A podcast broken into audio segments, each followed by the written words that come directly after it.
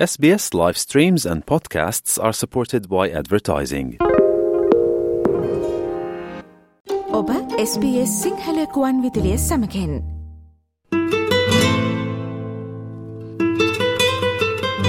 සවන් පත් අතර නින්නාද දෙන කැංගරු දේශයෙන් ඇසෙනා සිහල මියුරු සරය. මගේ ගීතය. මගේ ගීතය SBS සිංහලකුවන් විදුලිය ඔස්ට්‍රලියාවේ වෙසෙන ගීපද රචකයෙන් ගායකීන් සහ සංගීතඥයන්ගේ ස්වීය සප්තස්වර පබැදුම් ඔබ හමුවට ගෙනේන මාසික විශේෂාන්ගය මගේ ගීතය. මගේ ගීතය. මගේ ගීතය. අදත් ඒබනම් අපි සෝදානම් මේ කැංගරු දේශයෙන්. මේ ඔස්ට්‍රේලයානු භූමියෙන් බිහිවුණු සිංහල ස්වීය ගීත නිර්මාණයක රසමිහිර ඔබත් එක්ක බෙදාගන්න. ඉතින් මේ විදිහට මේ සොඳුරු ගීතයක රස පහස විඳගන්නට ඉඩකඩ අද අපි ලබාගන්නේ ඔස්ට්‍රේලියාවේ කොයි ප්‍රාන්තයෙන්ද. අපේ නැවතුම වික්ටෝරයා ප්‍රාන්තේ. මෙල්බැන්වලින් අපිට හමුවෙනවා ගායිකාවක් සහ ගී පද රචකයෙක්. එවගේම ශ්‍රී ලංකාවේ සිට සංගීත නිර්මාණයට දායකත්වය ලබා දුන්න සංගීතක්ෂවරයත් අපි මේ අවස්ථාවේදී මතක් කර සිටිනවා.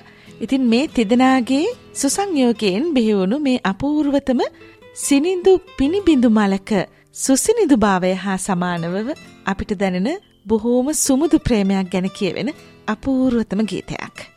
මේ ගීතයේ ගායිකාව සහ ගීපද රචකයා දෙදනාම ඉන්න මේල්බැන්වල එහින්දා මට අවස්ථාව ලැබෙනවා අද දවසේදී දෙදනත් එක්කම කතාබහ කරන්න. මේ ගීතයේ ගායිකාව නාලිකා අබේරත්න. නාලිකා අපිට විවිධ අවස්ථාවලදී දකින්නට ලැබෙනවා මෙල්බර්න්වල ප්‍රජා අවස්ථාවලදී ගීගායනයට සම්බන්ධ වීම තුළින් ඒවගේම ගීපද රචකයා විදිහට ජගත් ජේද්‍රසිංහ අපිට හමුවෙනවා නොයෙක්වර ලේඛන කටයුතුවලදී ඒවගේම සංගීතය හා සම්බන්ධ කටයුතුවලදී. ඉතින් මේ දෙදෙනගේ සුසංයෝගයෙන් බිහිවුණු මේ ගීතයට සංගීත නිර්මාණය එකතු කරන්නේ ලංකාවේ සිට ඉන්දික රජින්ත. එමනම් මම් මුලින්ම අවස්ථාව ලබා ගන්නවා ගායිකාවත් එක්ක. පුංචි පිළිසඳරකය දෙන්න නාලිකත් එක්ක. නාලිකා අයිබෝවන් ආයිපන් දිල්රක්ෂි හොඳ අපි මුලින්ම දැනගනිමකෝ මේ ගීතය නිර්මාණය වීම පසුපස තිබෙන නාලිකාගේ දායකත්වය කොයි වගේද කියලා? මං මේ මෙල්බන් වේදිකාවේ සාමාන්‍යයෙන් ගීත ගායනා කරනවා. මට සමහරක් අවස්ථාවලදී ගීත ගායනා කරන්න ආරාධනා ලැබෙනවා එහෙම ගීත ගායනා කරන අවස්ථාවකදී මට ජගත් අයව හම්බුණා. එයා මගේ කටහඬට පොඩ්ඩක් ආස වුණා මං හිතන විදිහට. ඒ හින්දාම එයා ජගත් නිසියාමේ කියලා එයාගේ ගීත රචනා එකතුවක් එලි දක්වන වැඩසටහනක් තිබුණා. ඒකට මට ගීත දෙකක් කියන්න කියලා ආරාධනාව ලැබුණා. එතනදී මම ජගත් අයට කිව්වා මට සින්දු දෙකක් ලියලා දෙන්න කියලා. ඒ සින්දු දෙක ලියලා දෙන්න කියලා පහවදාම යමත් ලියලා දුන්නා. හරිම ලස්සන සින්දු දෙකක්. ඒකෙන් එකක් තමයි මේ අද සිනිද පිනිබින්දු කියන ගීතය ගැන කතා කරන්නේ. ඒක සෑහෙන්න මිනිස්සු අතරට ගියා. ඉතින් මට ඒ ජගත් මියසියාමේ හින්දා මට ඒ සින්දට දායකත්වය ලබා දෙන්න හැකියාවක් ලැබුණා ආදිවරුක්ෂි හොඳ ඒකත් අපූර්වතම අවස්ථාවක්. ඔබගේම ස්වතන්ත්‍ර ගීත නිර්මාණයක් බිහි කරන්න. මෙල්බන් වල සිටින තවත් දක්ෂ ගීපද රචකයෙකුගේ ගීපද රචනා අගීමට ලක්වෙන අවස්ථාවක්. සඳහා ඔබට සම්බන්ධ වෙන්නට අවස්ථාව ලැබීම සුවිශේෂිත්වයක් ඇත්තටම ජගත් ජේද්‍රසිංහගේ ගීපද රචනා ඇතුළත් සංගීත සන්ධ්‍යාවක් තිබුණ පසුගිය වසරේ දෙසැම්බර් මාසේ දෙදස් විසි දෙක වසරේ දෙසැම්බර් මාසේ ජගත් මියසියාමය කියලා. ඉතින් එයට බොහෝ ගායක ගායිකාවන් මෙල්බන් වලින් සම්බන්ධ වුණා ඔහුගේ ගීත ගායනා කරමින්. ඉතින් නාලිකාගේ ගීතයත් මට ඇහුණේ අවස්ථාවේදී. ඉතින් නාලිකා මේ මේක හරිම ලස්සන සරල සුමුදු ප්‍රේම ගීතයක්. මේ වගේ ගීත සංකල්පනාවක් ඔබ ඇයි තෝරගත්තේ ඔබගේ මේ ස්වතන්ත්‍ර ගීත නිර්මාණය සඳහා. ඇත්තටම මම මෙහෙම ගීතයක් ලියන්න කියලා රචකයාව කොටු කරේ නැහැ. අපිට කාලය තිබුණේ නැහැ මොකද්ද ලියන්නේ මොකද්ද ලියන්න ඕනේ කියලා කතා කරන්න කාලය තිබුණේ නෑ. හින්දා මම මුළුමනින්ම රචකයාට බාර දුන්නා ඔයාට කැමති ගිය ලියලා දෙන්න මම කියන්නම් කියලා. කිසිම වෙලාවක කිව්වේ නෑ මට මේ වගේ සින්දුවක් ලියලා දෙන්න කියලා. හොඳයි නාලිකා දැන් නාලිකා ගායනා කරපු අනිකුත් ගීත මොනවද? මට ගීත කීපයක්ම තියෙනවා. මගේ පළවෙනිම ගීතය තමයි සිත මගේ නොවේ කියන ගීතය. ඒක ලියලා තියෙන සිසිර දිසානායක පද රචනයත් සංගීතය කරලා තියෙන රසාංග වඩුවේ කියන එක්කෙනත් මෙහි ඉන්නේ. ඒ වුණාට තාම ඒ සින්දුව මට එලි දක්වන්න බැරි වුණා. මගේ 2 3 4 5 ගීත එලි දක්වලා තියෙනවා. මට තාම පළවෙනි සින්දුව කරගන්න බැරි වුණා. මොකද ඒකේ මට කටහඬ රෙකෝඩ් කරන්න යනකොට මම සැටිස් නැති හින්දා මම ඒක ආයෙ පස්සට දානවා. ඒ සින්දුව මට අවශ්‍යයි ඒ විදිහටම රෙකෝඩ් කරගන්න. ඉතින් තාම ඒක කරන්න බැරි වුණා. මේ යථාකාල්දී ඒ සින්දුව මම එලි දක්වන්න බලාපොරොත්තු වෙමින් ඉන්නවා. දෙවැනි සින්දුව හැටියට හන්තානෙන් එන කියන සින්දුව ඉන්ද්‍රජිත් මිරිහාන සංගීතවත් කරපු පද රචනයේ සෑම් සමරනායක කියන මහත්මයාගේ තව සින්දුවක් මට ලැබුණා මියුසික් කරලා ලියලා මියුසික් කරලා හම්බුණා මිරිගුව කියන එක. ඒකත් මම රෙකෝඩ් කරා මේ ළඟකදී. ඒකත් අපුරු සින්දුවක්. ඒ අතරේ තව සින්දු කීපයක්ම සංගීතවත් කරලා තියෙනවා. ඒ ටික ඉදිරියට එන්න බලාපොරොත්තුෙන් ඉන්නවා. තව සින්දු කීපයක්ම. තව සින්දු රචනා කීපයක් ලැබිලා තියෙනවා. තාම මියුසික් කරපු නැති. ඒ සින්දුත් බලාපොරොත්තුෙන් ඉන්නවා ඉදිරියට ගේන්න. හොඳයි දැන් නාලිකා කියන තොරතුරු අනුව මට නම් හිතෙන්නේ ගීත ගායනා ශාස්ත්‍රයේ පැත්තෙන් දිගු ගමනක් යන්න නාලිකාගේ සූදානමක් තියෙනවා කියලා. ඒ පැත්තෙන් ගත්තාම නාලිකාගේ අනාගත බලාපොරොත්තුත් අපි දැනගනිමුකෝ දැන් ඔබ සඳහන් කිරීමක් කළා යම් යම් ගීත නිර්මාණ සඳහා සූදානම් වෙමින් තියෙනවා කියලා. ඊට අමතරව ගීත නිර්මාණ ශාස්ත්‍රය පැත්තෙන් ඔබගේ මොනවද තව විශේෂිත තියෙන බලාපොරොත්තු? ඇත්තට පළවෙනිම බලාපොරොත්තුව මේ සිත මගේ නොවේ කියන ගීතය එලි දක්වන්න. මොකද ඒකේ රචකයාත් සංගීත නිර්මාණකයාත් බලාපොරොත්තුවෙන් ඉන්න ඒ සින්දු එලි දක්වන්නකම් ඒ හින්දා මගේ පළවෙනි බලාපොරොත්තුව ඒක එලි දක්වන්න. ඉස්සරහට බලාපොරොත්තුවෙන් ඉන්නවා සංගීතය ඉගෙන ගන්න. තව බලාපොරොත්තුවෙන් ඉන්න ඉගෙන ගත්තට පස්සේ ළමයින්ට උගන්වන්නත් ඔය වගේ දේවල් කරන්න බලාපොරොත්තුවෙන් ඉන්නවා දැන් දැනට දැන් අර නාලිකා කිව්වනේ ගීත කිහිපයක් තව මග එනවා ඒ සඳහා සූදානමක් තියෙනවා කියලා. ගීත එකතුවක් වගේ කරන්න අදහසක් තියනවද? ගීත එකතුවක් කරන්න නම් අඩුම තරමේ මං හිතන විදිහට ගීත 12ක් 13ක් එන්න ඕනේ. දැනට මට ගීත රචනා කිහිපයක් ලැබිලා තියෙනවා ඒකට මියුසික් කරන්න ඕනේ. ඒ ටිකත් ආවොත් ඉදිරියේදී සලකා බලන්න වෙනවා එහෙම දෙයක් කරනවද කියන එකත්. හොඳයි නාලිකා එහෙමනම් අපි සුභාශිංෂණ එකතු කරනවා ඔබගේ ගීත ගායනා පැත්තෙන් ඔබේ ඔය හිතේ තියෙන බලාපොරොත්තු සර්ව ප්‍රකාරින්ම සාර්ථක වෙන්න කියලා. අයිබෝන් නාලිකා. බොහොම ස්තුතියි දේවශක්ෂි. සුමුදු පිණි බිඳු මලක පෙතිරිද වාද මන්දා. සිඹිමි ඒ මල නුඹේ සුවඳම දැනෙන හන්දා. මේ ගී සංකල්පනාවේ නිමවුම් කරුවා අපි හෙමනම් හොයාගෙන යනවා. ජගත් චේ ඉදිරිසිංහ. ආයිබෝන් ජගත්. ආයිබෝන් දිල්ලක්ෂී. ඔව් අපි දන්නවනේ ගී සංකල්පනාවට ලේඛනයට හුරු පුරුදු ජගත්ගේ පන්හිඳ පිළිබඳව. ඉතින් ජගත් ඔබගේ මේ පෑන් තුඩගින් වියපු තවත් අපූරු ලස්සනම ගී සංකල්පනාවක් විදිහට මේක හඳුන්වන්නට පුළුවන්. දැන් කොයි විදිහෙන්ද මේ සංකල්පනාව මේ වස්තු බීජය ඔබේ හිතට දැනුනේ?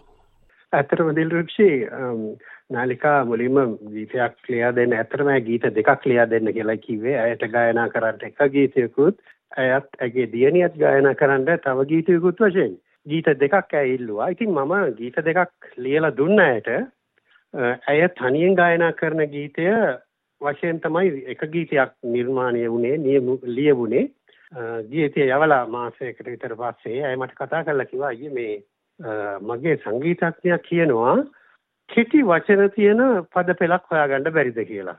දිග පද පෙළක් නැතුව කෙටි වචන තියෙන කෙටි පද පෙළක් හොයාගන්න. පුළුවන්ද ලියන්න. එතකොට මම කලින් ලියපු ගීතය මෙතරම් මේ කෙටි වචන තියෙන ගීතයක් නෙමෙයි. ඒක ටිකක් දිග ගීතයක්. ඉතින් අය මේ අදහස කිව්වට පස්සේ මම පොඩ්ඩක් කල්පනා කරන්න දුනා මේක කෙටි වචන සහිත ගීතයක් ඇයට ලියා දෙන්නට ඕනේ කියලා. ඉතින් දිල්රුක්ෂි ඇත්තට මම වැඩි හිතුවෙත් නෑ මේ ගීතය එයින් දවසකට විතර පස්සේ එක පාටම මගේ අතින් ලියවුණා. මම වැඩි මහා දුර කල්පනා කරලා ලියපු ගීතයක් නෙමෙයි. ඉක්මනින් ලියවෙච්ච ගීතයක්. බොහොම ඉක්මනින් ලියවෙච්ච ගීතයක් එක දවසක් විතර ඇතුළත. ඉතින් දිල්ලුක්ෂි ඇත්තටම මටම උනත් මේ ගීතේට පොඩි ආසාවක් ආවා. මම ගීතේ නාලිකාට යවුවට පස්සේ ඇගේ සංගීතඥයා ඒ ගීතේට කැමති වෙලා තිබුණා. මේ ගීතේ මං කැමතිම දේ තමයි දිල්රුක්ෂි මම මේ ගීතේ තනුවටත් මේ ගීතේ නාලිකා ගායනා කරන ආකාරයටත් මං හරිම ලෝභයි. ඒ ඒ ඒ දෙක ඉතා මිහිරි ලෙස පැහැහිලා ගියා කියලා මට හිතෙනවා. ඇගේ ගායන විලාශයත් ඇගේ ඈ තෝරාගෙන තිබුණු තනුවත්. ඉතින් ඒ නිසා තමයි මම මේ ගීතේට ඇත්තටම ආසා කරන ගීතයක් බවට පත් වුනේ. හොඳයි මේ අපි තව සුළු මොහොතක් ඉවසාගෙන හිටිමු. දැන් නාලිකාගේ හඬින්ම මේ ගීතේ රස විඳින්න. තව පුංචි ප්‍රශ්නයක් මට එනවා జగත් දැන් දැන් මේක හරිම සරල ගී සංකල්පනාවක්නේ ඔබත් සඳහන් කළා. නමුත් මෙහි හරි මපුරු වචනක් තියෙනවා ඔබ සරලත්වය අතරතුර යොදාගත්ත. උද්දුල ඉඳුවර වගේ ලස්සන වචන. අපි දකිනවා මේ ප්‍රේම ගීත බොහෝ වෙලාවට සරලයි. සරල වචන මාලාවක් සරල නාද මාලාවක් තුළින් තමයි ශ්‍රාවකයාගේ හද ඇද බැඳ තබා ගන්න. දැන් සරලත්වයම ප්‍රේම ගීතයට කොයිතරම් අවශ්‍යයි කියලා ඔබට හිතෙන ජගත්. ඕකේ පැති දෙකක් තියෙනවනේ දිල්රුක්ෂි. අපිට ඕනෑම භාවාත්මක අදහසක් බොහෝම හරබර වචන වලින් බර වචන වලින් ලියන්නටත් පුළුවන්. ඒ ඒ හැඟීමම ඇති වෙන්න ලියන්නට පුළුවන් බොහොම සරල වචන පාවිච්චි කරලා. මම හිතන්නේ මේකයි. අපි පාවිච්චි කරන වචන මොනවා වුණත් පළවෙනි කාරණේ අපේ අදහස කියවෙන්නට ඕනේ අපේ අදහස sannivedanaya වෙන්නට ඕනේ. අපිට අවශ්‍ය දේ අසන්නාට sannivedanaya වෙන්න විදිහට අපිට ලියා ගන්නට පුළුවන්ද කියන කාරණේ තමයි වැදගත්ම කාරණේ. එතෙන්දී සරල වචන පාවිච්චි වෙනවද? නැත්නම් කොහොම බරපතල වචන පාවිච්චි වෙනවද කියන කාරණයට වඩා මම හිතන්නේ මට කියන්නට ඕනේ අදහස මම කොයිතරම් හොඳින් සංවේදනය කරනවද නැත්නම් sannivedanaya කරනවද කියන කාරණේ තමයි මම මූලික හැටියට හිතන්නේ. ඉතින් මෙන්න මේ කාරණේදී අර ඔබ කිව්වා වගේ මේ ගීතේදී මට අවශ්‍ය දේ කෙරුණා කියලා මට හිතෙනවා. හොඳයි අපි එහෙමනම් මේ අද කතා බහට එකතු කරගත්ත නාලිකා අබේරත්න ගායනා කරපු සුමුදු පිනිබිඳු මලක කියන මේ ගීතයේ ගී පද රචකයා නිමවුම්කරුවා. ගී සංකල්පනාවේ නිමවුම්කරුවා ජගත් ජේද්‍රි සිංහයි සාකච්ඡාවට එකතු කරගත්තේ. ජගත් එමනම් අපි ඔබගේ තවත් ගී සංකල්පනාවක් මේ ආකාරයෙන් රස විඳිනට බලාපොරොත්තු වෙන සිටිනවා. බොහොම ස්තුතියි මගේ ගීතය අපගේ මේ වැඩසටහනට ඔබේ අදහස් එකතු කරන්න සම්බන්ධ වුණාට. බොහොම ස්තුතියි දිල්රුක්ෂී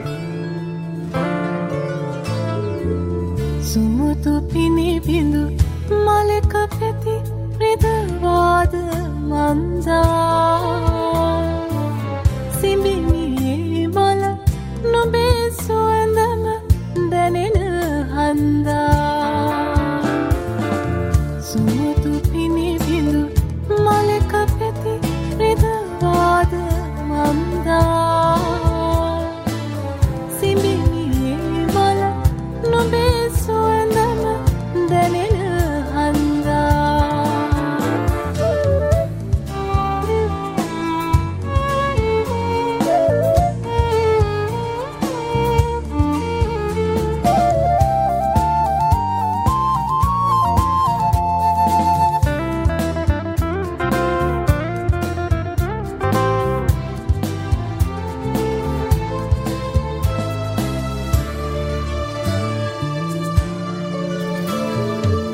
අහස කෙලවර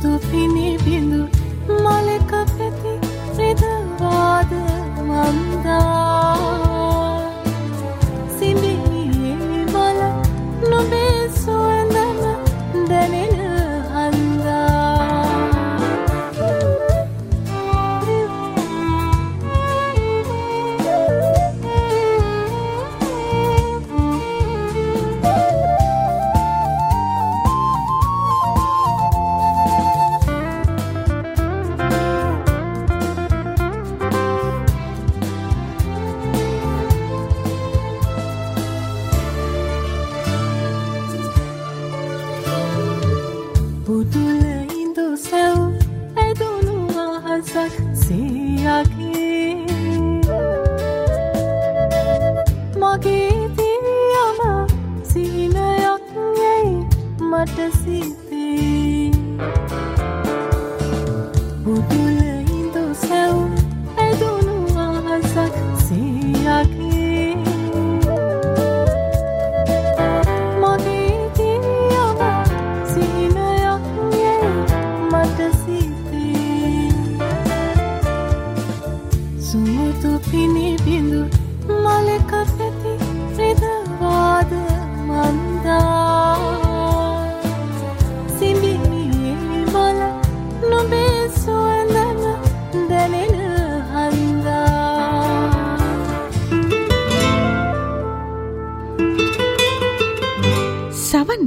අතර නින්නාද දෙන කැංගරු දේශයෙන් ඇසෙනා සිහල මියුරු සරය.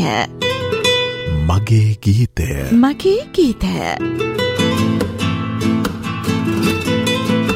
ඔසේ දේශයෙන් බිහිවුණු තවත් අලුත් සිංහලගී නිර්මාණයක රසමිහිරමිදින්නට තවත් මාසයක අවසාන බ්‍රහස්පතින්දා අපි හමුයමු.